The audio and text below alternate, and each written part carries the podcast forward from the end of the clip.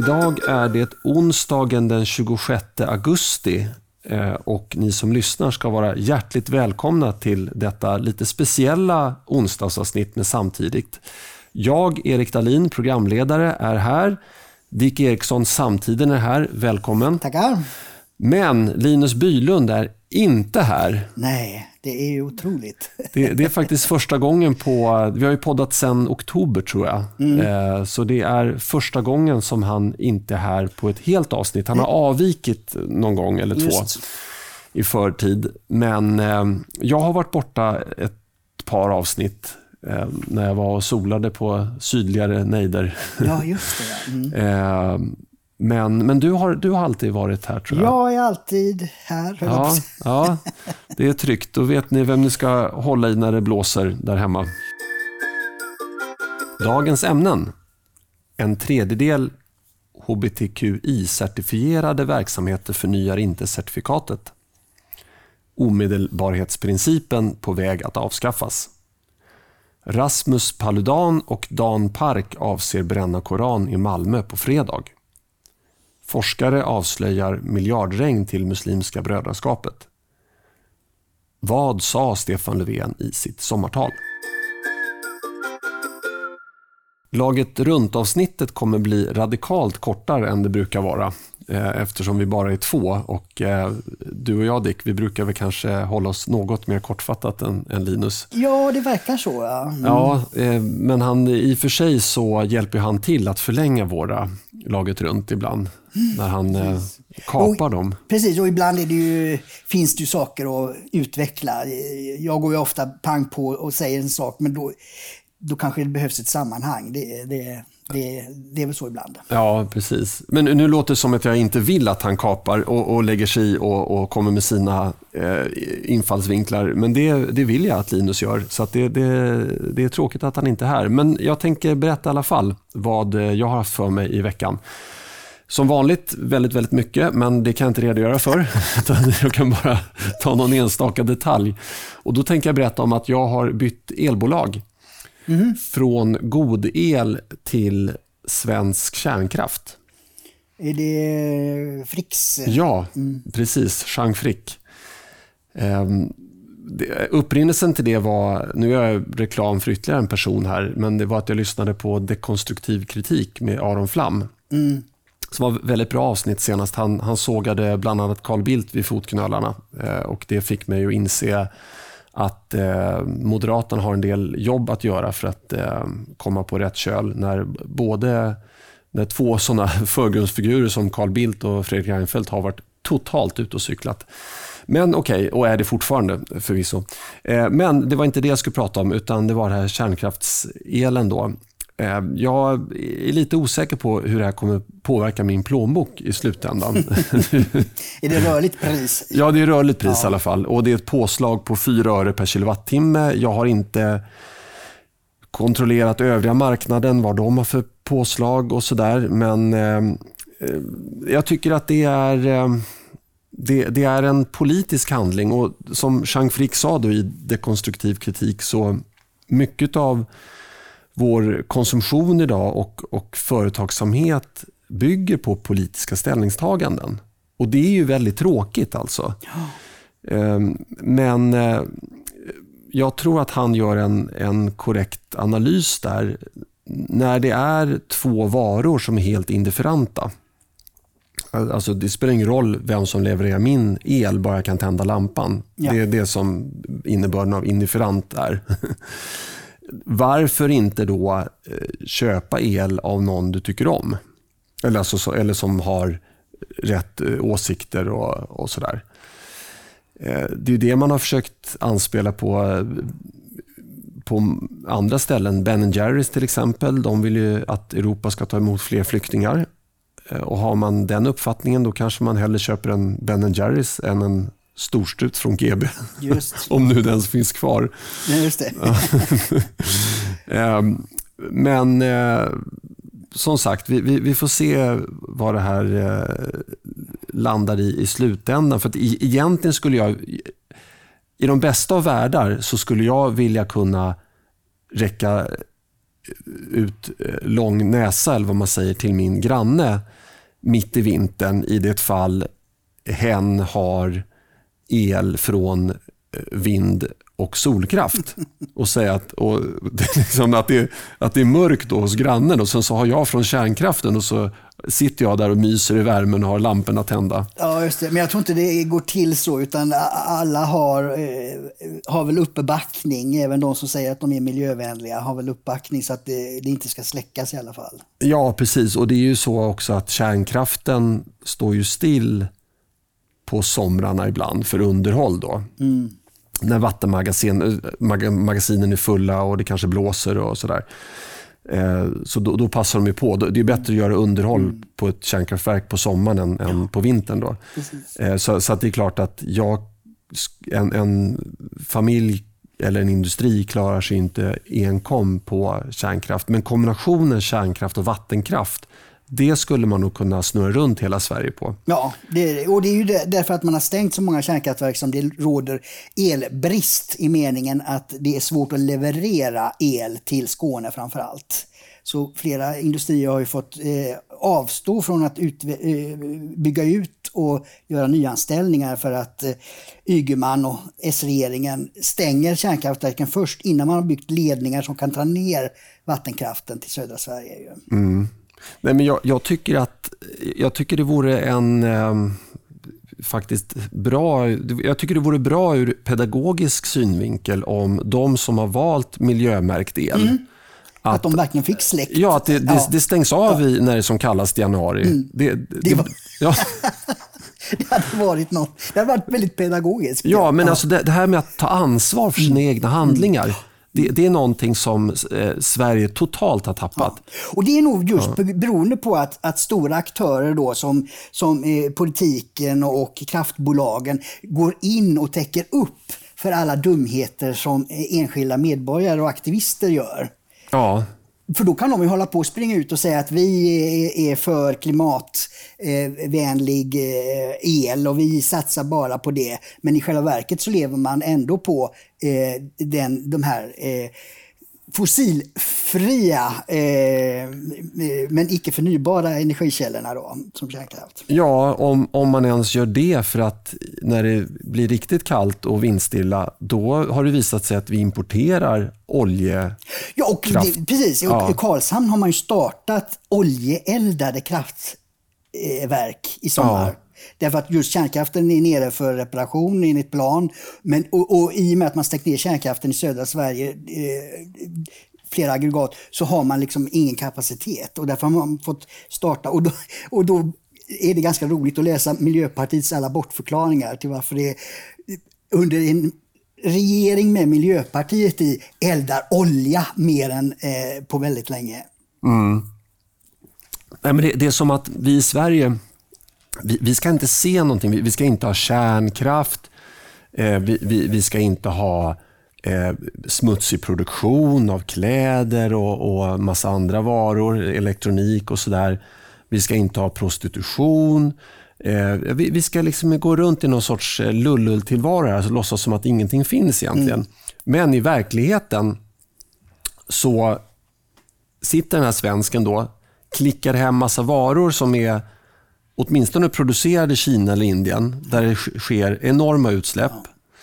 Eh, de sitter framför en dator som drivs med el, eh, kolel importerad från Tyskland, trots att de har valt miljömärkt el. Mm. Och sen det här med prostitutionen ska jag inte gå in på, men eh, det är väl inte helt osannolikt att mannen åker iväg till Thailand och köper någonting där, där det är, är tillåtet. Eh, det kanske inte ens är tillåtet. Jag har ingen koll på den marknaden. Men eh, alltså. om det är någon annan som har det där ute så får ni gärna mejla och berätta. Ja, nu gick jag lite för långt där. Men, men du, du förstår vad jag menar. Ja. Det är liksom, och, och, Jag tycker man ska ta konsekvensen. Definitivt det här med kärnkraft. Att har man valt miljömärkt el, vind och sol, då ska det fan bli kallt och mörkt i januari. Nu får du berätta vad du har gjort. ja, jag har inte lika färgstarkt mm. eh, jag, jag pendlade me mellan city och landet och, och läser och sådär som jag sagt tidigare. Men det, jag var i TV4s eh, morgonpanel i, i fredags. Eh, Eh, men där hände ju inte någonting speciellt heller. Vi tog ju upp i sig det här tragiska med eh, den ryske oppositionsledaren där som blev förgiftad. men det går ju inte att säga någonting för vi vet ju inte exakt vad som har hänt. Utan jag sa bara att det var gruvligt. Det, det var någon som eh, trodde att han hade varit eh, en av försökspersonerna på Putins eh, covid-vaccin. Ja, just det. Just det precis. Ja, de. Alltså, Ryssland är väldigt speciellt. Alltså det, det, de har en helt annan kultur än, än Europa. Alltså det, det, mm. det är mycket märkligt. Men det går ju liksom inte att säga någonting eh, om sådana eh, frågor där vi inte vet. Och så var det ju uppe då med Bidens och Obamas tal, hade vi uppe också. Det, det, går ju bara liksom att neutralisera lite grann för alla andra drar ju på med hur, hur bra demokraterna är. Och jag mm. tycker inte det. Jag, men jag gick inte längre än och sa att det, men, ni måste ju tänka på att det var, det var, faktiskt väldigt många av de som röstade på Obama som blev väldigt besviken på att han inte levde upp till sitt vallöfte Yes we can. Mm.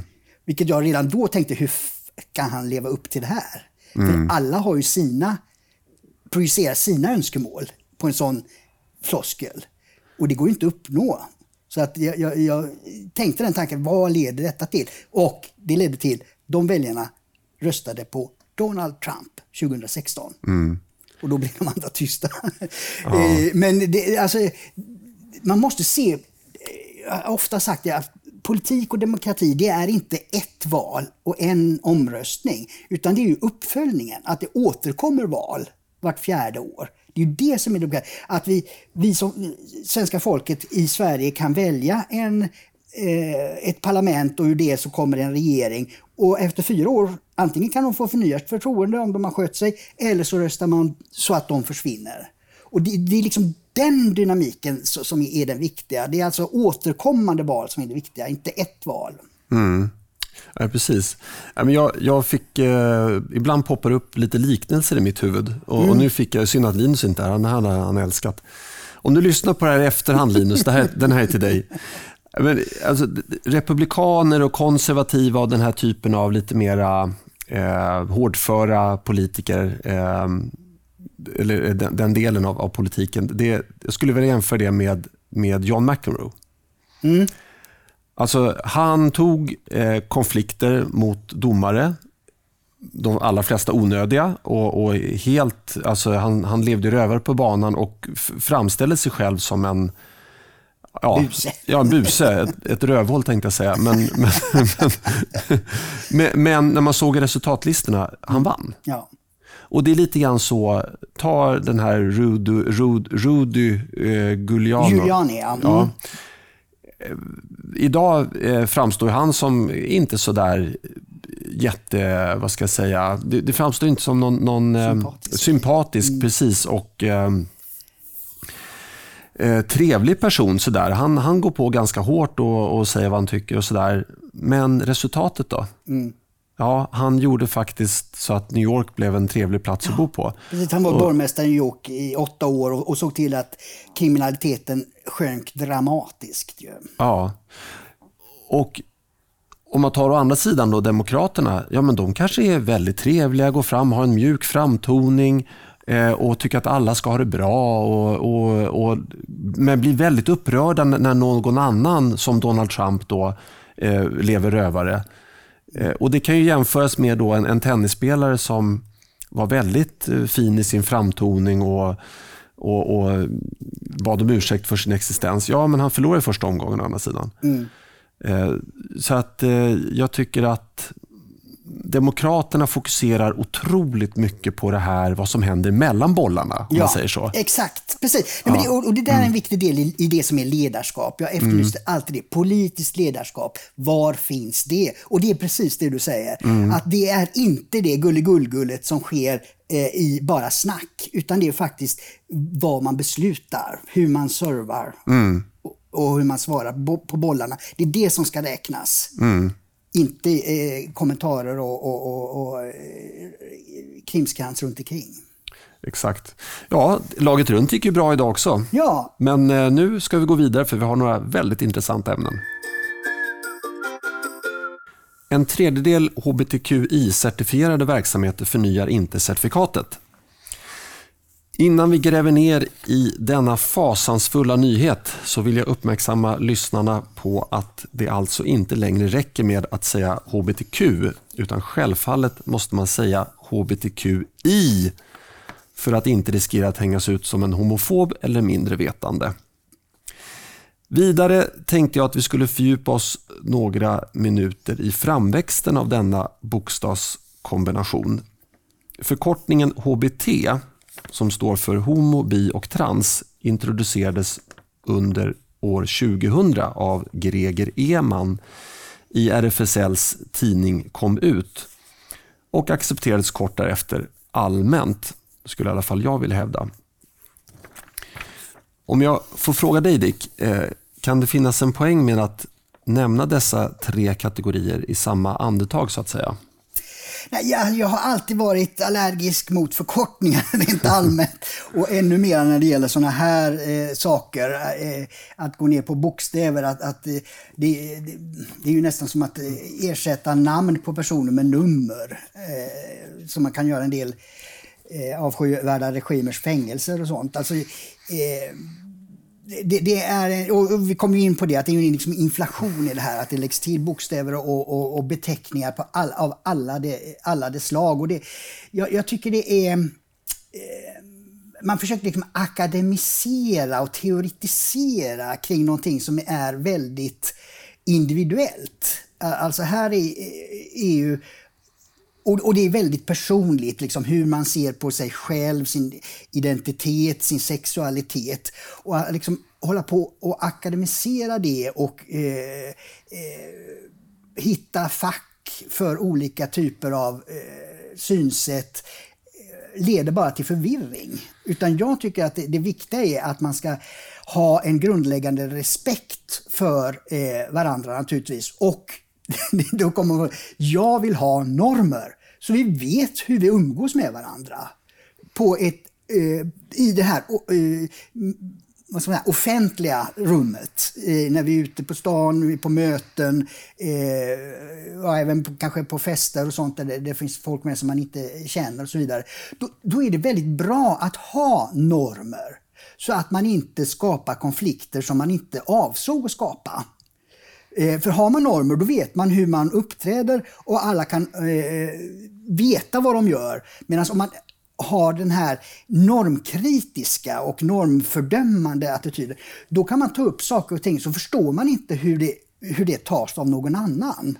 Och då skapar man konflikt. Och det är det jag tycker vi ser. Jag tycker, tror det här ligger under i, i, i det breda nutiden här, att polariseringarna ökar, är att ju mer man kategoriserar HBTQI och allt det här eh, och de som är fast i det här, aktivister i det här, de anser att de som inte accepterar det här, de är otroligt kränkande.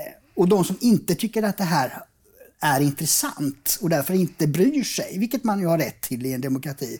De blir provocerade av att de blir attackerade för att vara någonting de inte är eftersom de inte ens har tänkt på det. Mm. så, så att hela det här normkritiska eh, vurmet som, som ligger i botten för det här är att bryta sönder samhällsgemenskapen. Så jag, jag, jag tycker det är, det, det är förkastligt. Utan vi ska ha och, och arbeta för naturligtvis att alla har respekt för den de är. Och enligt Martin Luther King, som jag ofta återkommer till, att han sa att människor ska bedömas utifrån deras karaktär. Varken hudfärg, sexualitet eller eh, ja, vad det nu är, utan deras karaktär. Är det en ärlig, hederlig människa jag har att göra med här? Går det att göra mm. upp går det att fästa festa med och, och så vidare med den här människan. Det är det som är det intressanta, inte alla dessa jäkla definitioner. Nej, och jag, jag kan också, nu är ju jag en så kallad cis-person, eh, vilket jag inte orkar gå in på. det är väl att man är någon form heterosexuell normperson. Eh, men eh, i alla fall, jag kan kanske inte riktigt sätta mig in i det här, men, men eh, om, om man då är homosexuell, då, då, kanske man, eh, inte alla, men en del kanske har då behov av att ha någon intresseorganisation som företräder en och så. Eh, och eh, nu har ju RFSL då tydligen tagit på sig det här i något läge. Vad, vad, ja, bakgrunden till det vet jag inte. Men, men då tar RFSL och bara liksom lägger till bokstäver hela tiden. Och det är väl inte av naturen givet att bara för att man är homosexuell att man då tycker att man ska buntas ihop med transpersoner. För, för, för, det är liksom... Eh, ja, vi, vi, vi eh, du skakar på huvudet. Ja, precis. Ja. Nej, det, det, precis. Alltså det är, eh, RFSL hade en uppgift eh, så länge homosexualitet var olagligt och, och sen också betraktades som en sjukdom fram till 1979 var det väl. Eh, och, och, och, då fanns det naturligtvis en anledning att jobba gentemot politiken för att ändra på det. För då är ju lag och, och definitioner i, i myndigheterna, då, Socialstyrelsen var det som eh, då avskaffade den definitionen av, av att det var en sjukdom. Eh, och så länge är det, är det ju politik så att säga. Men efter det så har det ju mer handlat om att just skapa en eh, respekt för att människor kan vara olika. Att, eh, och, och, och liksom nöja sig med det. Men då är det så att det, det här, de här aktivisterna eh, de går liksom så in i sina roller att de bara är det de representerar. Här, och här är det då en sexualitet. Och, och det blir knasigt. Alltså jag, eh, jag ska inte säga eh, gå för, för, hårt fram, men jag har väldigt svårt att, att respektera dem som Alltså man får vara hur man vill, man får och, och, och, ha eh, olika uppfattningar. Men sen måste man också uppföra sig i, i samhället enligt de här normerna, för det är då man blir respekterad. Sen, sen får man ha de här eh, olika intressena, men att göra det sen, att lyfta upp dem på den politiska arenan, och kräva att alla andra ska liksom eh, ta till sig det här. Det, det är en sorts eh, narcissistisk hållning. Liksom man, man, man gör sig själv till facit för hela samhället. Jag vet inte om våra lyssnare har tänkt på det, men jag, jag tycker ofta, och det är från vänsterhåll då, att de gör sin värld och sina intressen till facit för hur hela samhället ska se ut. Ja, men jag kanske inte tycker att de frågorna de tar upp är viktiga. Jag tycker andra, kanske andra frågor är viktigare.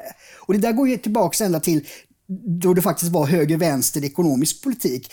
För då var det så, vänster ville höja skatterna och, och ta in mer pengar till, till det offentliga.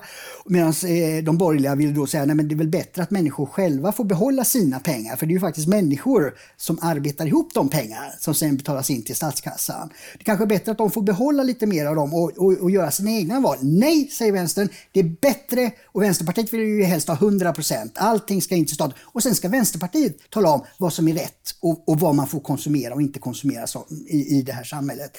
Och det här gäller också på det här området. På sexualitetens område vill man liksom styra, ställa be, och, och, bestämma. Alltså det, det, är en totalitär och narcissistisk hållning som jag tycker väldigt, väldigt illa om. Eh, i den, I den delen. Sen får man vara eh, hur man vill eh, så länge man sköter det snyggt. Så att säga. Och, och de, de, de motiverar sin verksamhet bland annat under parollen alla har rätt till sin kropp. Mm. Och, och, Då ska man då lägga till en bokstavskombination där för att, för att de som är Q, queer, de har också rätt till sin kropp och därför ska de gå in under vårt paraply. Men mm. jag tänker så här, men jag som inte är varken HBT eller Q eh, eller I eller vad det nu må vara, eh, har inte jag rätt till min kropp då? nej, men det, är ju det att, att, att den här rätt Eh, Eh, som jag sa, den politiska eh, kampen för att eh, homosexuella inte ska behandlas negativt i lagstiftningen så att säga. Den kampen när den vanns då 79, den togs, har sen tagits över, kidnappats av vänstern. Så de använder nu HBT de är ju rätt enkla att definiera. Och anledningen till att man lade till Q, det var ju att queer, där kan du vara heterosexuell men du gillar inte normen. För queer är, den enklaste definitionen på det, det är att man vill död åt familjen. Död åt familjen. Det är queer teorins grundläggande mening. Man ska bryta ner heteronormen, man ska, man ska liksom slå sönder det, det som har varit mänsklighetens eh, eh, traditionella eh, livsmönster i årtusenden. vill man liksom slå sönder. Eh, och, och ehm, det är alltså vänster och, och, och, så kör man då den här minoriteten framför sig och säger att det är för dem, det är för bögarnas skull vi gör det här. För då är det ju väldigt svårt att attackera. Så att det är precis som palestinierna an, lägger, eh, använder sjukhus och daghem eh, som skottlinje mot Israel. Så att eh, liksom, de använder dem som sköldar, de behjärtansvärda. Samma tänk har vänstern i Sverige här där man använder bögar och, och minoriteter som en, en sköld för sina revolutionära, omskakande värderingar. Och, och dessutom, för jag, jag googlade eh, ordet homofob. Och Det betyder tydligen att man också då eh, är negativ mot hela den här bokstavskombinationen. Ja. Så, så, så att om, om, om man ifrågasätter queer-begreppet, då är man enligt deras definition då homofob. Och, och Det vill man inte bli kallad för att jag har ingenting emot homosexuella eller bisexuella.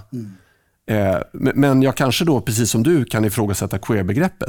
Och, och då är jag homofob. Det är ungefär som att eh, man är rasist bara för att man ifrågasätter massinvandring. Ja, exakt. Nej, men det är precis, hela tiden så använder vänstern den här retoriken för att förvirra människor och passivisera eh, motståndare. För att de flesta eh, eh, bögar jag känner, de, de lever i, i tvåsamhet i enlighet med familjebegreppet. Det, det, det, och det, det beror ju just på att mänskligheten har funnit den formen som fungerar väldigt bra. Och Det är ett bra sätt att eh, eh också om man har barn då upp, uppfostra dem i, i, som familj i den minsta byggstenen i samhället. Och, och, eh, så därför är det helt naturligt. Men det förkastar ju queer. Liksom. Det, det, det är fel. Det, det, man ska bryta ner eh, familjer. Det ska inte vara eh, den typen. Utan det, det ska vara Tack och lov, höll jag på att säga, blev det ju ingen Pride-konferenser i, i år. Eh, vi har, jag har gått runt till dem eh, tidigare och jag var faktiskt med på den första eh, gången Pride kom till Sverige. För då, det var 1998. Då, då var det någonting som hette International Pride och då var det en, eh, ett sånt här eh, event per år någonstans i västvärlden. Och så kom det till Stockholm då. Så då, då, det var då man döpte om det. Jag funderar just på vad det hette innan. För, för RFSL ordnade någon sommaraktivitet eh, och, även innan det då. Men, men det började heta Pride då. Och då handlade det just mer om, om rättigheten att kunna leva sitt liv precis det jag var inne på i början då. Eh, eh, Men sen har det liksom eh, politiserats och, eh, var det vi var någonstans? Ja, eh, nej, nej, men det var väl queer-begreppet då. Eh, att, att man vill slå sönder kärnfamiljen och så. Ja, och då, då, då, eh, då kom det in. För att, och då börjar ju... Eh, och man gjorde sen frågeformulär med de som löste biljett till, till det här eh, eh, priden. Och då var det ju så, det var ju väldigt lite borgerliga och konservativa som gick dit. Och, och det, det gäller även eh, de som är, tillhör minoriteten, då, homosexuella. Därför att man lever i tvåsamhet och, och, och, ser ingen, inga skäl till varför man ska slå sönder familjer.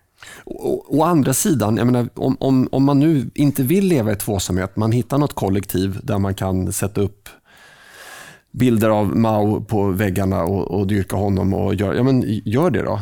B- Bara jag slipper finansiera eländet via skattsedeln. Då. Precis, just det, det var det jag skulle komma. I, under de här konferenserna som Pride hade förut, då var det just det här med eh, vad kallas det? Monogami, eller vad heter det? Alltså det här när man har, sex med många i just ett kollektiv. Ja, det, var, det var nog tvärtom. Mono, eh, mono betyder ju en. Ja, just det. Po, poly. Just Eh, det, precis. Just ja. det. Jag, jag, alltid, jag vet innehållet, men Ja. definitionerna är alltid lite slarvig med. Eh, och- man hör de berättar, och de som lever på det viset. Och Mm. så kollar man upp lite senare. Ja, nej, men det finns ju inte kvar. Konstigt. Konstigt va? Konstigt. Så det, återigen, det, är- här är då män, människor med vänsteråsikter som tror att man ska kunna göra vad som helst. Och så visar nej men det funkar ju inte. Medan familjen, mamma, pappa, barn har fungerat i årtusenden. Men man har ingen respekt för det. Nej.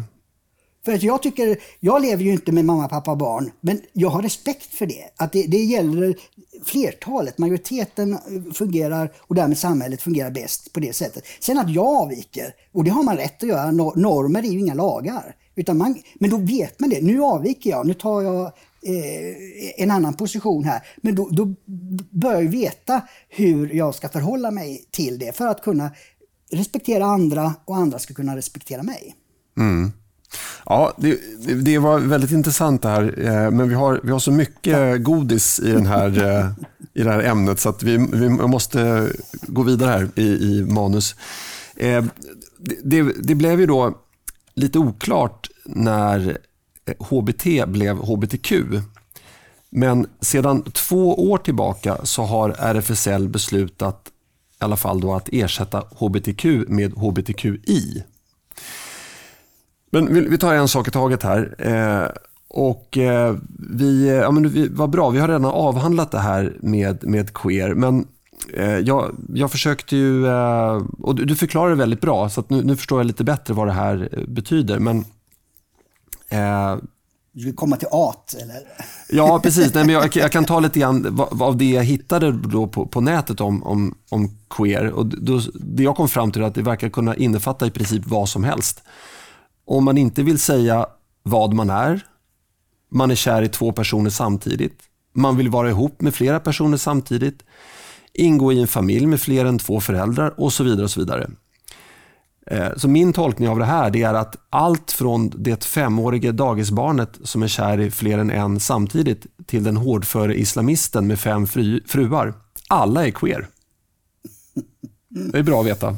Ja, precis. precis. Alltså jag vet inte om, eh, ni, ni, som lyssnar, om, om ni träffar på en sån islamist med fem fruar, Eh, kan inte ni då gå fram och kalla den här personen för queer? Får ni se vad som händer, om, om det uppskattas eller inte.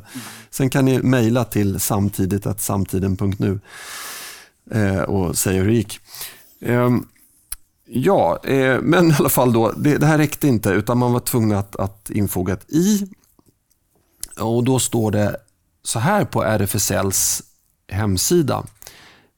I ett står det för intersexperson kan en person kalla sig som har en intersexvariation.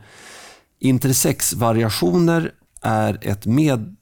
Ja, de kan inte ens stava. Alltså jag tog kop, eh, tagit copy-paste här. Eh, det ska stå ett medfött tillstånd. Men det står ett medfödda tillstånd i vilket könskromosomerna könskörtlarna, inom parentes testiklar eller äggstockar, eller könsorganens utveckling är atypisk. Det går att vara intersex och man, kvinna eller något annat. Det där något annat definierar de inte vidare men det är möjligt att det här också förekommer i djurriket, vad vet jag. Eh, I alla fall, eh, enligt min uppfattning så skiljer sig den här kategorin från övriga i harangen hbtqi eftersom dessa i-personer då har en medfödd avvikelse. Och eftersom avvikelsen drabbat reproduktionsapparaten så gör RFSL anspråk på att få företräda denne. Har jag eh, slagit huvudet på spiken eller har du någon annan uppfattning Dick? Nej, alltså det är, det, du helt det, det är ju liksom en eh, tydlig då, biologisk avvikelse. Och det, jag vet inte hur många personer som eh, föds med detta per år, men det är inte särskilt många. Nej. Eh, eh det diskuteras ju om drottning Kristina var det. Mm. Till exempel. Och, det, finns också fall i, i USA där man har försökt att göra, vi kommer inte in på det där med socialt kön. Va? Jo, det kanske Men alltså, där skedde ju ett experiment med just en sån här person där man bestämde då att det, det barnet så, så eh, tog man bort eh, penisen och uppfostrade det här barnet som en, en eh, flicka. Då. Men när, när den personen blev vuxen så kände den sig som man. Och eh, hade varit utsatt för ett socialt experiment så, så han tog ju livet av sig sen då. Mm. Så naturligtvis personer som har sådana här biologiska avvikelser, de, de, har ju en särskild problematik.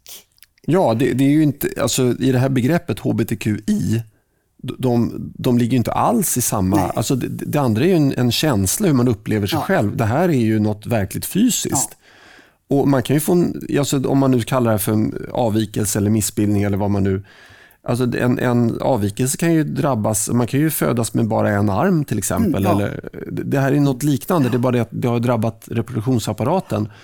Och, och, eh, men de skriver, RFSL de, de, är lite ödmjuka här ändå. De, de skriver det att vi är fullt medvetna om att eh, Ja, kom, nu kommer jag inte exakt, ihåg eh, själva lydelsen, men, men det ska väl ändå sägas i det här sammanhanget att de, eh de, de gör ju inte anspråk på att få företräda alla intersex personer. Men... Ja, så gör de inte Nej, de gör inte det. det Nej, för det är, ja. det är väldigt, alltså när du drar upp det så här, alltså det är väldigt könsfixerat. Ja. Extremt könsfixerat. Och, och, och, och jag tycker det är märklig människosyn att börja där. Ja. Alltså, en människa är ju så mycket mer än det. Och det, det, finns en scen i den här gamla, eh, nu är den ju jättegammal, då, den här Vita huset, eller eh, West Wing, amerikanska serien, började 1999 tror jag det i USA och blev väldigt framgångsrik då.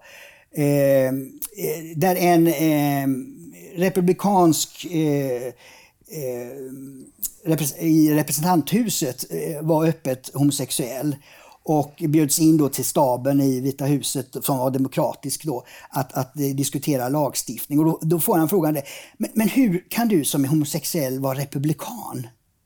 Och då gav han det svaret som jag tycker är perfekt och, så, och, och som gäller generellt.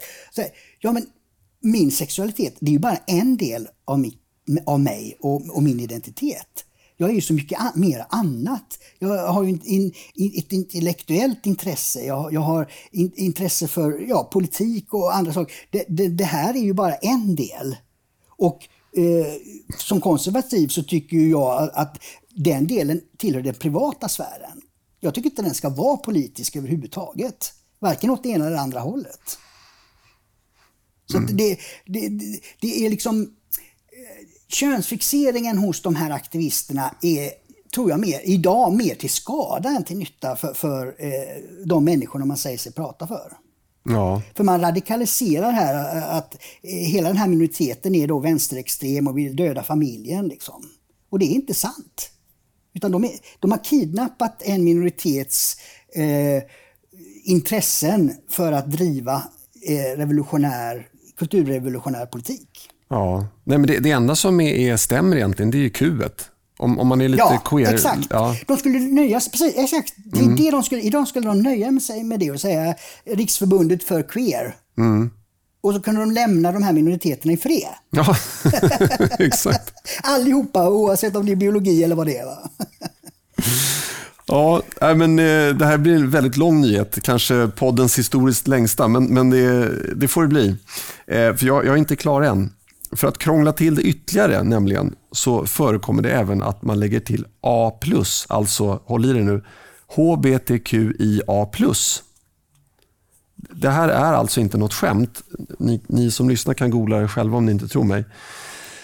Denna inkluderande akronym står alltså för homo, bi, trans, queer, intersex, asexuell och plusset står för allt annat som inte inryms inom någon av de nyss nämnda kategorierna. Exempel på det är demisexuell, pansexuell, agender, eh, genderqueer, genderfluid och panromantisk. Ja, eh, det är väl sånt här man går igenom då i detalj på när man, när man ska eh, hbtqi-certifiera sig själv, antar jag. Ja. Eller så kanske man inte gör det, för det heter ju faktiskt inte hbtqia plus-certifiering. Inte än i alla fall. Inte än i alla fall, mm. men det kanske kommer. För det, för det var ju det som jag reagerade på. Jag läste det på, svenska, eller säga, på Sveriges Television. Mm. Att det var just hbtqi-certifiering. Jag tänkte, vad, vad kom i ifrån egentligen?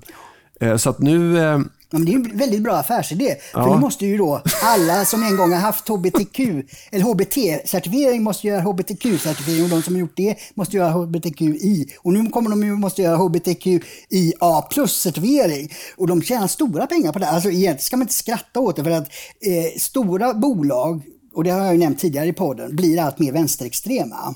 För de anpassar sig efter de som skriker högst. För de, de, stora bolagen tror att det är de som är ledande i åsiktsmarknaden, precis som stora bolag är det på eh, ekonomiska marknaden. Tror jag, eller jag får den uppfattningen. Och det är ju helt fel. Det här är ju en liten, liten, liten klick som är oerhört aggressiv och som just använder godheten för att ingen ska kunna säga emot dem. Och, och eh, men det, det, är ju positivt då att eh, ny, nyheten var ju att eh, en tredjedel eh, förnyar inte certifikatet. Nej. För att eh, det, det, här är ju bara blaj. Det, det är ju bara ett sätt för, för FSL att tjäna pengar. Och nu såg jag ju det här eh, som vi har också haft uppe, Arabiska partiet tror jag det var. Va? De skulle, de skulle ju eh, islamcertifiera nu. Va? Jaha. De skulle erbjuda certifiering för att inte vara islamofob. Så alla som har någon sån här kan tjäna pengar på så här, nu ska storföretagen köpa våra kurser för 100 000 kronor i två dagar. Och, och så blir de immuna mot att anklagas för homofobi eller eh, islamofobi. Så det är, ett sätt, det är en ny, modern form av avlatsbrev. Eh, den, den historiskt kunnige vet ju det att protestantismen Eh, blev till därför att Martin Luther på 1500-talet var förbannad på att katolska kyrkans eh, präster utlämnade avlatsbrev, det vill säga man betalade till katolska kyrkan för att få välsignelse och förlåtelse för att man hade varit, gjort någonting som kyrkan och kristendomen inte ville. Så då betalade man för det. Och det här är ju samma sak. Här betalar nu då bolag, och, och det ännu värre är myndigheter. Hur många miljoner har myndigheter betalat för sån här certifiering för att framstå som god? Och det är bara en avlatsbrev man köper sig. Ja. Man, man, betalar lite pengar. Oh gud vad goda vi är! Och det tjänar RFSL och, och, och andra sådana här eh, eh, rättighetsivrare för en, en, smal sektor tjänar enorma pengar på. Därför att människor är, och det är det som är så sorgligt att konservatismen har varit ute ur eh, i alla fall svensk politik så länge, att människor har så svårt att diskutera kring moral och filosofi. Utan det är just marknaden, ekonomi, det är ju det vi har sysslat med i Sverige. Nihilistiskt kallas det. Eh, där man inte erkänner någonting som inte finns. Liksom. Och, och, pengar finns ju, men, men diskutera hur vi ska förhålla oss kring olika minoriteter och sådär, ja det är ju väldigt eh, fluffigt. Ja.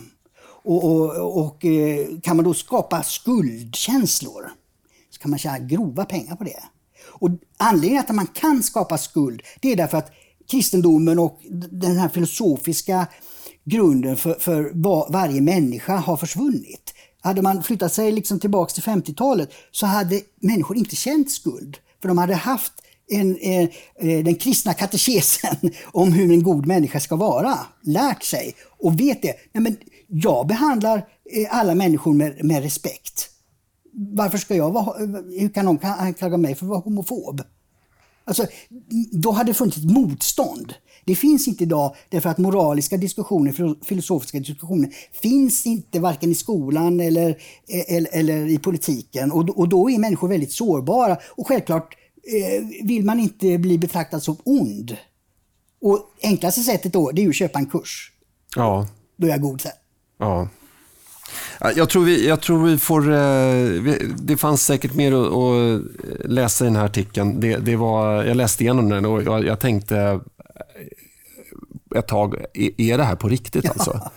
Men eh, vi, vi, vi, vi, kanske kan spara den godbiten tills Linus är tillbaka så kanske kan ta upp det på något fredagsavsnitt ja. och gräva ner i den artikeln och lite annat om det här HBTQI certifieringen som eh, jag eh, predikterar att den kommer heta eh, om två år HBTQIA-certifiering och om ytterligare två år HBTQIA plus-certifiering. Omedelbarhetsprincipen på väg att avskaffas. Eh, det här, ibland så poppar upp lite friskhetstecken i regeringen. Eh, men med tanke på att det här är en lag då som instiftades i slutet av 40-talet och eh, var anpassad till eh, en tid utan eh, vad heter det, video eller röstupptagningsmedel eh, i rättegångar. Så eh, kan man tycka att den här lagen har, har, eller den här principen har hängt med väldigt, väldigt länge. Vad säger du Dick? Jo, precis. Och det fanns ju inte ens mm. obehandlade. Utan, nej. Det, det, det, nej, utan det, jag har ju varit nämndeman och, och, eh, då får man ju just lära sig vad, vad omedelbarhetsprincipen är. Och det, det är nämligen det att eh, man som domare ska bara gå på det som framförs under huvudförhandlingen. eh, vad som har sagts i förhör, om inte det lyfts då av åklagare eller advokater och säger på sidan si och så, så sa det, eh, det här vittnet si och så. Då är, då är det ju lyft, så då är det omedelbart med. Men, men sånt som inte lyfts av parterna under huvudförhandlingen ska domstolen inte ta hänsyn till. Det är omedelbarhetsprincipen. Och eh, det, det, är mycket tack vare eh, den här danska rättegången mot de här fem Rinkebyborna som sköt ihjäl två andra Rinkebybor i Köpenhamn, eller norr om Köpenhamn, i juni förra året. De fem sög ju dansk polis in och sitter nu åtalade, varav en var 17 år när, när det här makabra mordet då begicks, där man sköt ihjäl två stycken. Och nu har svenska jurister plötsligt vaknat, för nu har man sett en annan verklighet, den danska, och ser hur mycket effektivare Danmark är när det gäller att balansera eh, kriminellas rättigheter med rättsstatens förmåga att komma till skott, eller kan man inte säga, komma till beslut.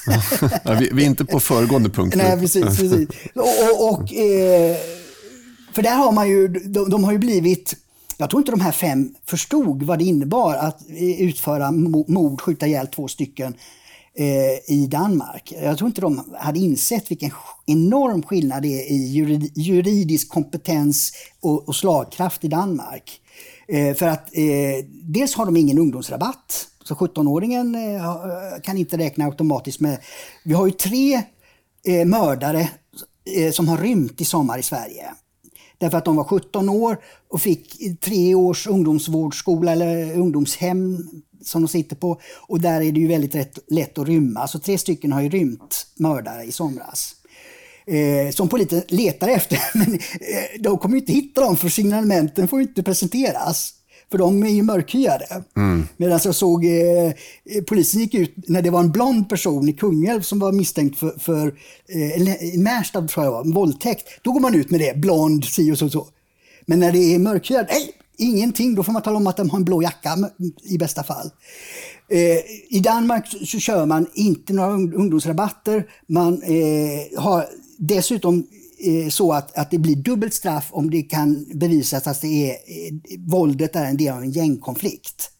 Danmark hade ju problem med, med mc-gäng för, för eh, 10 eller 20 år sedan.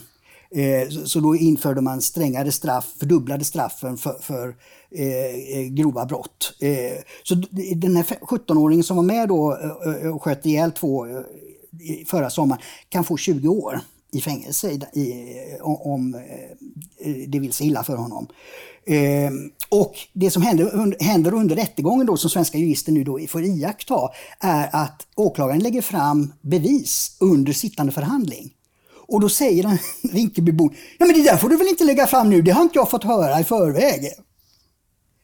Just det. Att, eh, för det, det, det, det, är det som är problemet med omedelbarhetsprincipen. Det är att de som är kriminellt eh, eh, bevandrade vet att de ska hålla tyst under alla förhören. Och när, eh, när väl rättegångsdagen kommer då får de polisutredningen. Då får de på eh, inför den så får de allting polisen vet. Veta allt. Och då kan de anpassa sin historia efter det. Och då kan de förklara varför deras DNA finns här och där och varför det är si och så och så. Då kan de liksom eh, etablera en berättelse.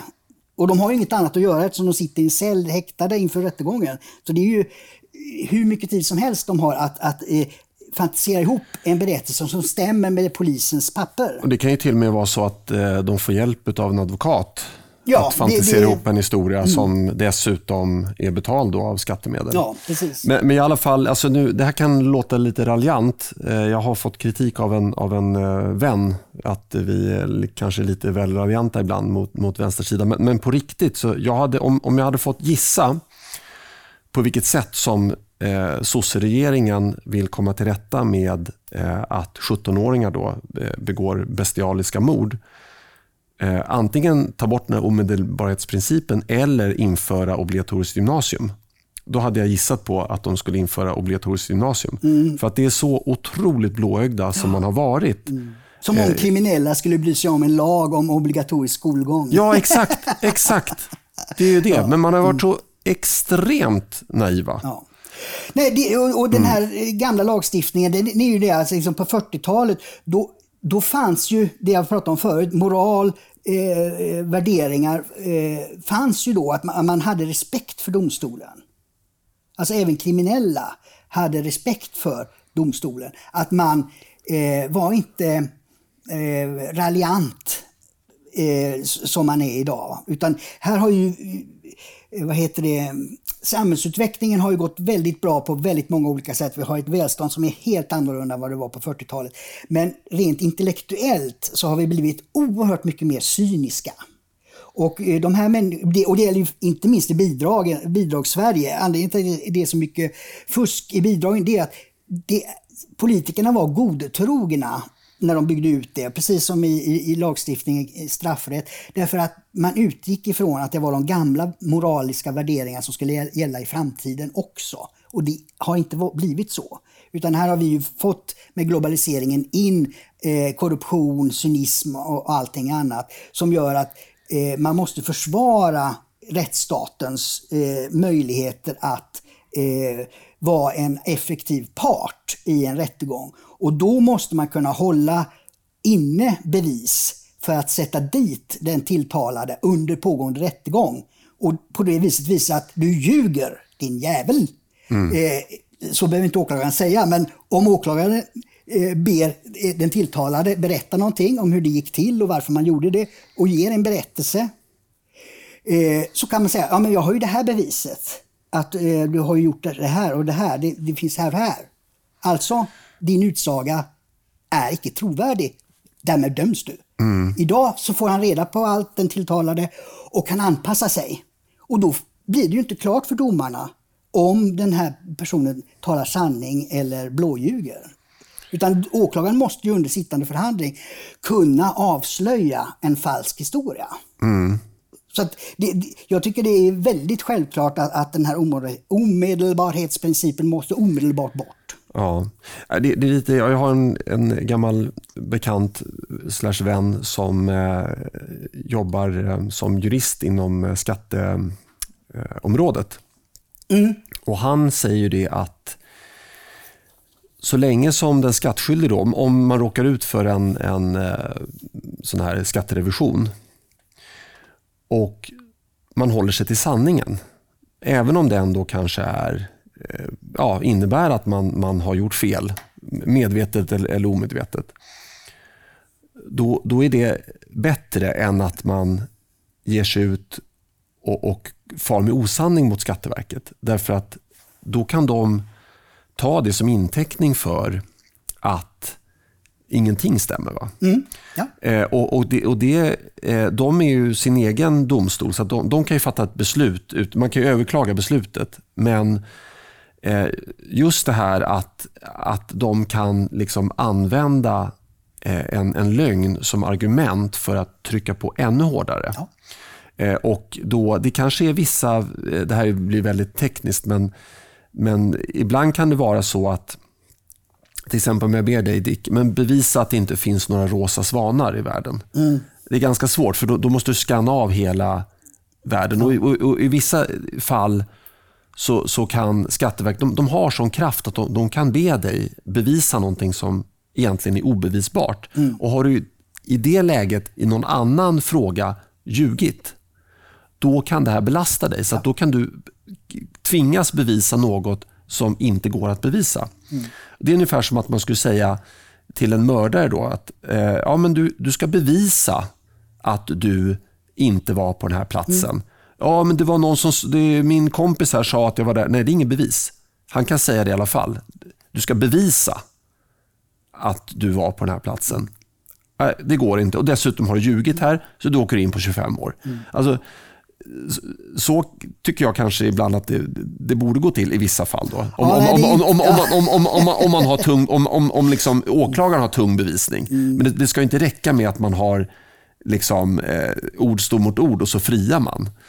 Men om man dessutom har ljugit då i tidigare fall, om man säger att Nej, men jag var inte ens på platsen och så har man DNA-bevis för att man har varit det. Alltså, mm. det jag tycker att min poäng här, jag, jag, tar tillbaka att jag inte har några skarpa förslag här, men jag tycker ändå att eh, brottsjuridiken eh, borde ta lite inspiration av skattejuridiken. Ja. Eh, till, till, exempel, man kan komma till Sverige, slänga sitt pass. Mm. Och Då är det upp till Sverige att bevisa. Mm. Men hade det varit ett skatteärende, ja, jag, har slängt, eh, jag har slängt min bokföring. Ja, då åker du in. Då, det är ju bokföringsbrott i fängelse. Ja. Varför, varför sätter man inte en som har slängt sitt pass i fängelse? Alltså det, där, där ja. är du inne på rätt spår igen. Mm. För det, det, det var ju inte lite grann ja. och körde i diket eller nära ja, på. Ja. Alltså för det är ju så, det, I rättsstat så måste det vara så att det, åklagaren måste kunna bevisa. Det måste finnas bevis som jo, men, åklagaren eh, kan lägga fram. Ja. Eh, men, i, men, min poäng är i kombination med att man kan visa att den åtalade har ljugit. Ja, nej, precis. För där är du inne på, mm. det, det, är ju då trovärdighet. Mm. Eh, för det är ju det domstolen också bedömer. Trovärdigheten i de utsagor som parterna gör. Mm. Och, eh, eh, och det är därför det är så viktigt att, att kunna hålla inne, även om kanske eh, eh Ja, för att omedelbar, jag, jag, jag, är nog lite vidare. Omedelbarhetsprincipen innebär just det jag sa först, det är vad man lägger fram. Eh, förhör som inte lyfts upp, de, de är inte adresserade. Eh, det här med att hålla inne med med vissa eh, bevisuppgifter. Eh, jag vet inte vad det kallas för, om det finns någon princip för det. Eh, för det tar hon inte upp i den här artikeln som vi, vi grundade här på. Eh, men det borde naturligtvis gälla också. För, precis, för det gäller ju för åklagaren att, att visa att eh, eh den här tilltalade eh, inte talar sanning eller inte är trovärdig i att beskriva motiv eller varför man råkade vara på platsen och så vidare. För det är ju det som gör att eh, man kan frikännas. Eh, och det ska man ju göra om, om man eh, råkade, ja det är ju alltid så genom de här deckarna och sådär, att om, om någon kommer förbi och råkar klampa in och lämna sitt fingeravtryck någonstans så kan man åka dit för mordet.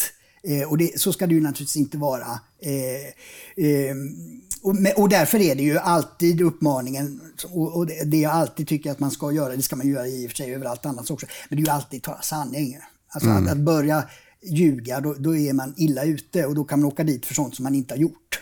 Ja. Det, det, det, är ju samma sak i Skatteverket, det har jag alltid sagt när jag jobbat som ekonom. Liksom. Eh, kommer eh, det förfrågningar från, från, Skatteverket så ska svaren alltid vara absolut korrekta. Mm. Eh, för att annars är det precis som du säger, upptäcker de att ja, men det där var en annan, i och för sig på ett annat område, men där var det, det felaktiga uppgifter. Då har de ju skäl att, att dra på sina kvarnar ännu hårdare. Va?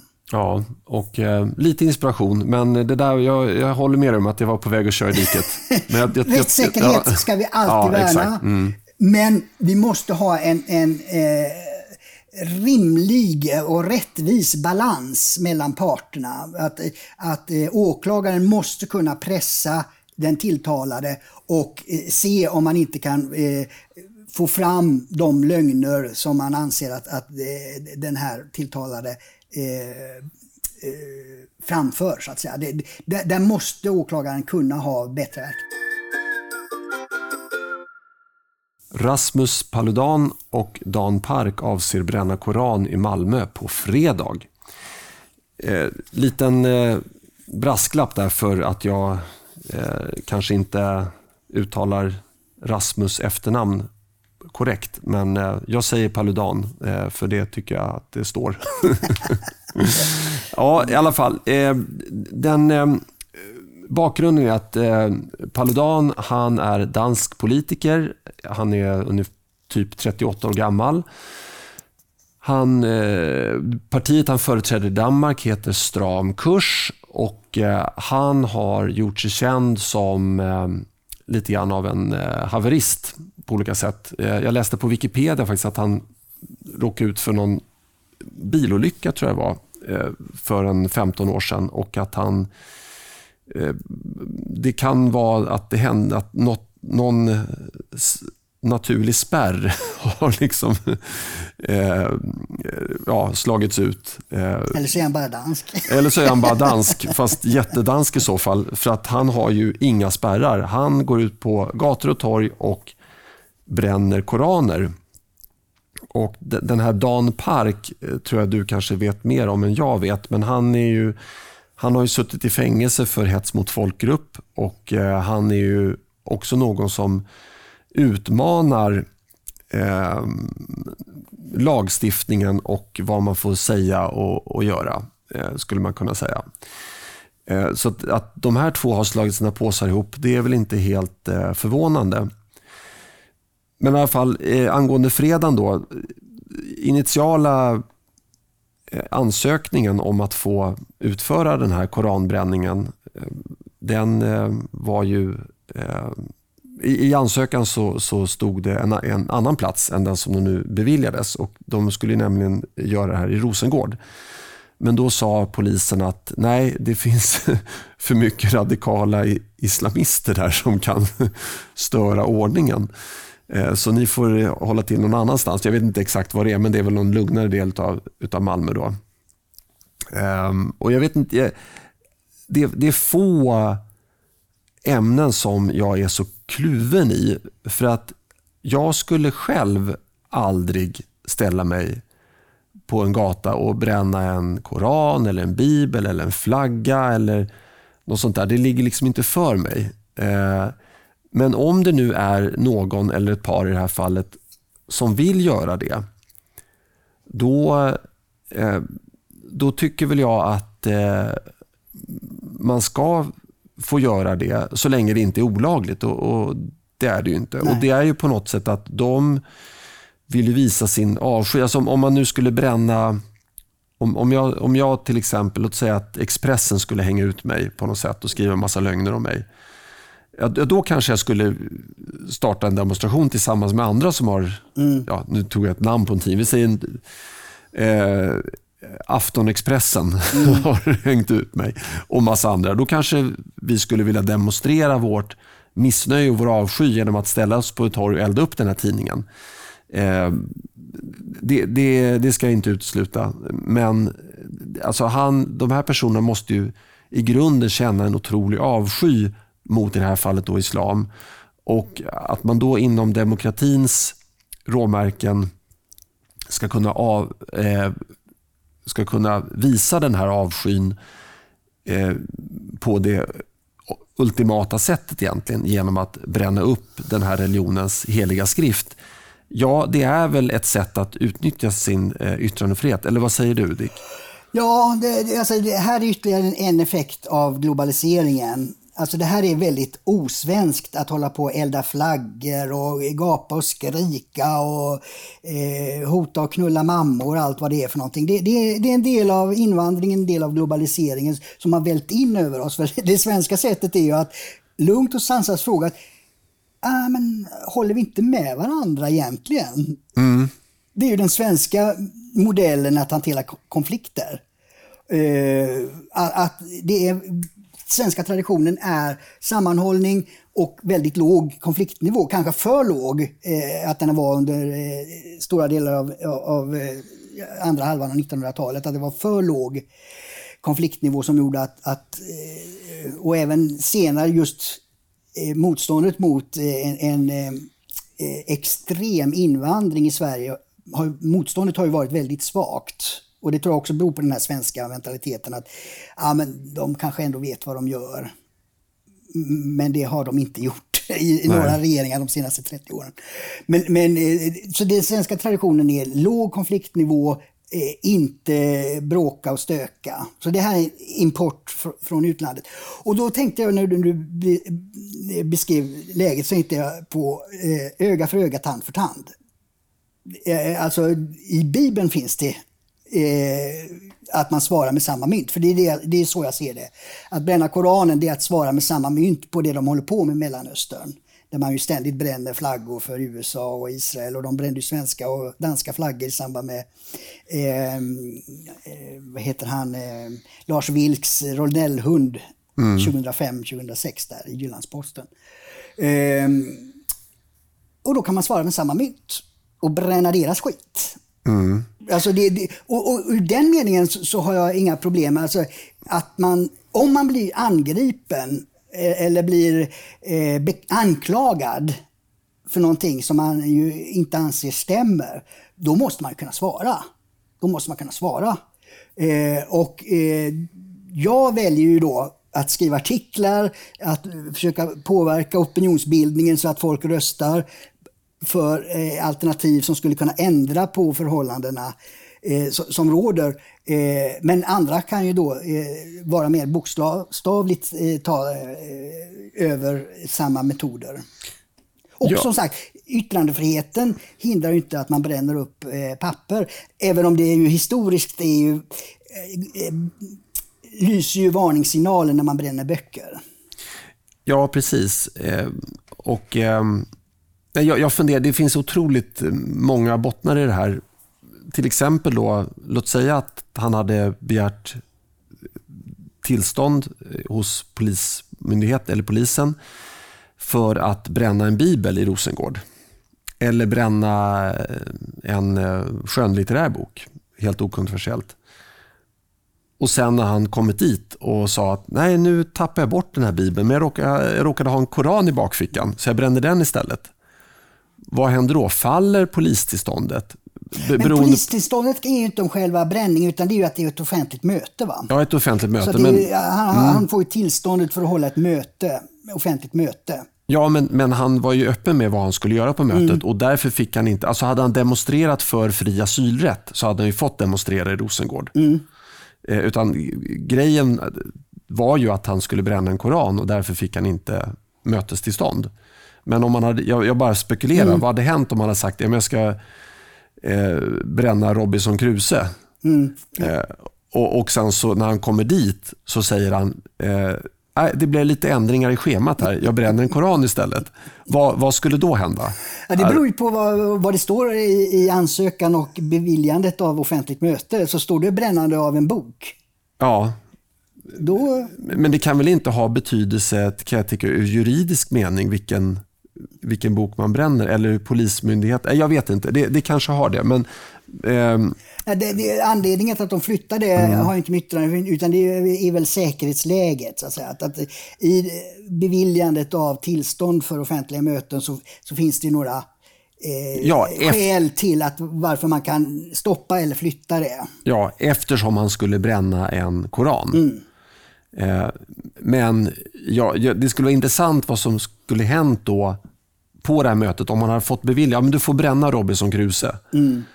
Och, sen så, och så är det några poliser där och så, så säger Rasmus då att Nej, men jag har tappat bort den boken men jag hade en koran i bakfickan så jag brände den. Hade polisen stoppat mötet då?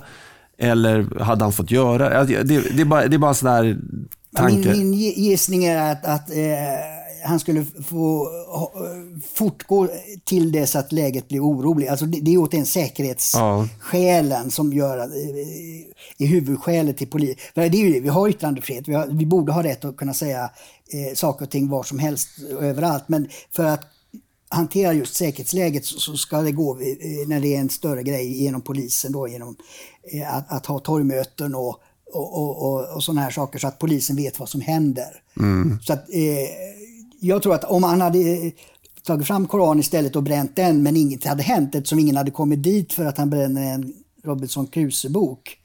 Då hade han ju fått göra det.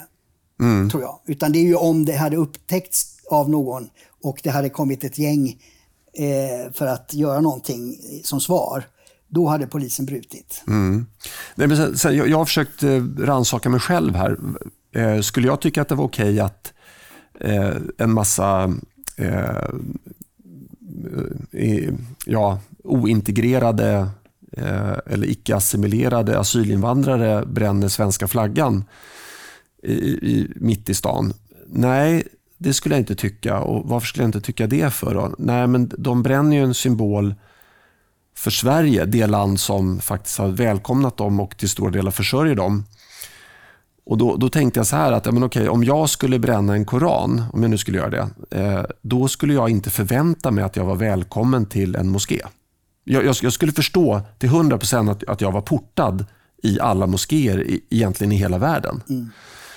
Och omvänt då, så då tycker jag väl, ja men absolut, man, man, om man är svensk medborgare och man vill bränna en svensk flagga, då bränner man symbolen för den nation man, man lever i. Och det kanske inte ska rendera i ett, ett avslut av medborgarskap, men definitivt ett avslut av alla bidrag. Man säger att om man, om, man, om man bränner en flagga i det land man bor i, då, då stoppar vi bidragskranen direkt. Ja, det, det, är lite svårt för att det, det, där är, går du från en, en opinionsfråga till en, en eh, säga, ett finansiellt system. Och, och, och, de två, i, i alla fall idag, är de inte alls sammanblandade utan bidragssystemen och finansieringen och hur skattepengar använder, det, det använder ju en e, e, juridiska ja, överst lagar och sen regler på myndigheter och så vidare. Så de har ju väldigt sällan eh, blandar in saker som händer på andra arenor i samhälet. Mm. Så är det idag. Mm. Men du menar att man skulle lägga in det i, i regelverken för eh, skatte utbetalningar av skattemedel? Ja, alltså risken är ju annars att det här, nu kommer en dansk till Sverige och bränner en koran. Alltså, vad är nästa steg? Vad, vad ska muslimerna svara med? Mm. Eh, och, och, Dan Korn är med också, han är ju svensk. Alltså, det jag skulle mycket tänk, väl tänka mig att de tycker att men då bränner vi svenska flaggan. Och så kan vi inte riktigt ha det tycker jag. Vi, vi, vi kan inte ha grupper som går runt och bränner svenska flaggan på, på svensk mark. Mm. Men jag skulle någonstans kunna acceptera det om det var en en, en eh, saudisk oljeshejk som kom hit och betalade 100 miljoner i skatt varje år. Eh, han kunde gärna få bränna en och annan flagga om han ville. De där, vi, vi, har ju ett, ett rättssystem i botten. Så det, I Sverige gör man aldrig sådana här enskilda undantag. Nej, men, nej, men alltså, jag, jag tycker att en, även en som lever på bidrag skulle i demokratins namn ha rätt att bränna en flagga. Men, men då, det får konsekvenser. Då, då, då, då, stoppar vi bidragskranen. Vi stoppar också bidragskranen till den saudiska oljeshejken. Men han behöver inga bidrag. Mm. Det är det som är skillnaden. Mm. Men, jag, men, jag, tycker, ska, ska du liksom leva i Sverige och eh, eh, vilja bränna det som eh, den yttersta symbolen för för Sverige och svenskheten, mm. då, då, då ska du inte få ta del av eh, skattemedel. Ja, det, tänk, det, det, är ett helt annat eh, system du är ute efter. För att idag är det ju så att myndigheterna klagar ju på att de får inte samköra varandras uppgifter för att kolla fusk i bara finansieringen av bidragssystemen. Eller i ja, de systemen mm. ens igång idag.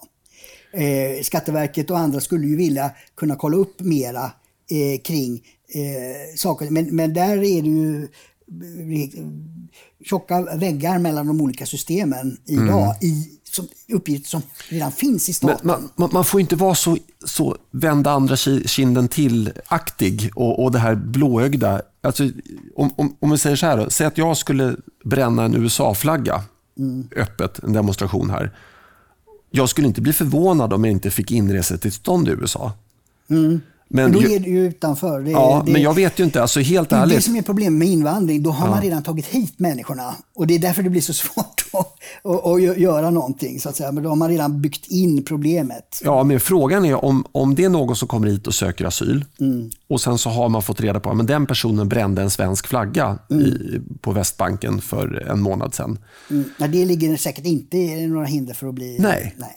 Eh, så att vi, vi måste börja, liksom, vi får inte vara så himla blåögda och flata. Det var min poäng. Ja, det... Och eh, där har ju faktiskt eh, Paludan och Park en poäng. Men, eller deras gärning har ju någon form av existensberättigande i alla fall.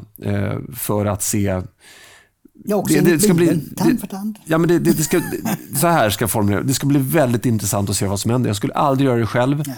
Men det ska faktiskt bli väldigt intressant vad som händer. Så håll utkik på fredag om det här nu eh, blir av. Jag tror att det var 12.00 om jag inte minns helt fel. Men det kan ni själva kolla upp. Forskare avslöjar miljardregn till Muslimska brödraskapet.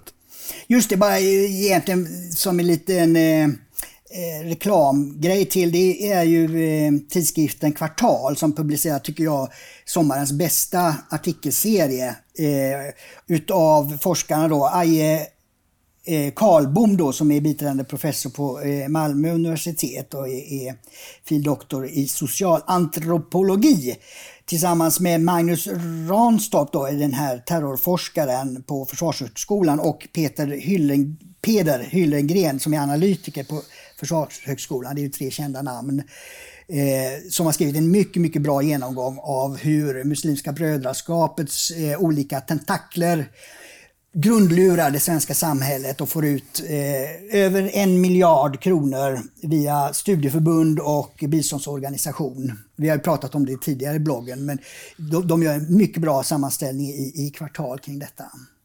Och där också en anledning till att de skrev det här, det var nämligen att Folkbildningsrådet som ju är en folkrörelsesammanslutning men som har myndighetsuppdrag att betala ut pengar till studieförbund, försvarar den här eh, eh, organ, eh, studieförbundet, eh, vad heter det heter nu då? Eh, eh, Ibn Rushd. Ibn Rushd. Rushd kanske det heter, ja. Mm och går ut en brev till kommuner om att de är så snälla och bra och, och, och, och så vidare. Och så att artikelserien är ett svar på att det är de inte alls. Det är, finns många omfattande bevis på att det, det, är en del av Muslimska brödraskapet som ju vill eh, eh införa eh, islam, sharia och därmed är emot demokrati. Så läs det. Ja, det räcker så. Vi har ju pratat om det här förut i podden, ja. så att vi går över till nästa ämne. Vad sa Stefan Löfven i sitt sommartal, Dick? ja, där skulle vi egentligen kunna vara tysta. Ja. Han pratade ju här i, i, ehm, i söndags, var det eh, Och ehm, eh, han sa ingenting. Alltså, vi har enorma eh, problem framför oss. Vad, vad innebär corona för ekonomin? Eh, arbetsrätten är en stor konfliktområde där ju ligger en utredning som arbetsmarknadens parter borde kunna komma överens om enligt den svenska modellen så att säga. Men i botten ligger ju att det kommer lagstiftning om parterna inte kommer överens och hittills har de inte gjort det. Eh, och eh, så har vi också eh, migrationskommittén ju, som har lagt sitt slutbetänkande eh, i stor oenighet det är de viktiga frågorna för eh, Sverige i framtiden. Inte någonting hade Stefan Löfven att säga om det. Så att han sätter sig, det är väldigt tydligt att han sätter sig i baksätet. Och det, det är, bedrövligt att vi har en statsminister som inte tar initiativet, som inte försöker leda landet, utan sätter sig i baksätet och hänvisar till myndigheter. Mm. Ja, till och med Lena Melin var kritisk. Ja, hon, mm. hon skrev ju... Eh, ibland när hon är, kommer igång så är hon ju är väldigt eh, vass där hon sa att det var ju... Eh, jo, hon sa att det var uppseendeväckande ointressant och att det mest spännande var de eh, kanoter som syntes i bakgrunden bakom Löfven. ja, det, det var lite synd att jag inte hade sett det där talet nu, men eh, Eh, det, det var väl det här som, som jag nämnde i, eh, i början av, av, dagens program att man, eh, man är väldigt bra på allt annat förutom det, det som faktiskt gäller. Mm. Och man är väldigt duktig på att tala om hur, hur dåliga alla andra är, mm. hur, vilka, vilken dålig människa som ja, en viss företrädare för ett annat parti är. och, eh, och så. Men, men att göra någonting själv, det, det klarar man inte av helt enkelt. Nej, och det tycker jag borde mm. vara en viktig uppgift i opinionsbildningen fram till nästa valrörelse. Att få folk att eh, förstå det. Pratar man skit om andra, då har man ingenting själv att föreslå. Mm. Usch då, jag har ju sagt massa so dumma saker om, både, om folk på vänsterkanten här. Men, ja, men det är inramat ja. med en förklaring. Ja, ja precis. Eh, exakt. Ja, det här programmet gick ju bra att genomföra utan Linus. Eh, så tillvida att det blev ganska långt i alla fall. Ja, ändå ja. ja. Jäklar vad kommer igång här. ja. Men eh, Linus, om du hör det här, vi saknar dig och jag ska framföra en hälsning som du hade. För du, du såg eh, faktiskt de här ämnena som vi skulle ta upp. Eh, och då ville du att våra lyssnare skulle, om de var intresserade, gå in på din Facebook-profil och titta vad du hade för åsikt om nyhetsämnet koranbränning. Jag har själv inte tittat på det. Men eh, ja, det var väl i, som vanligt då något, något eh, eh, snömos.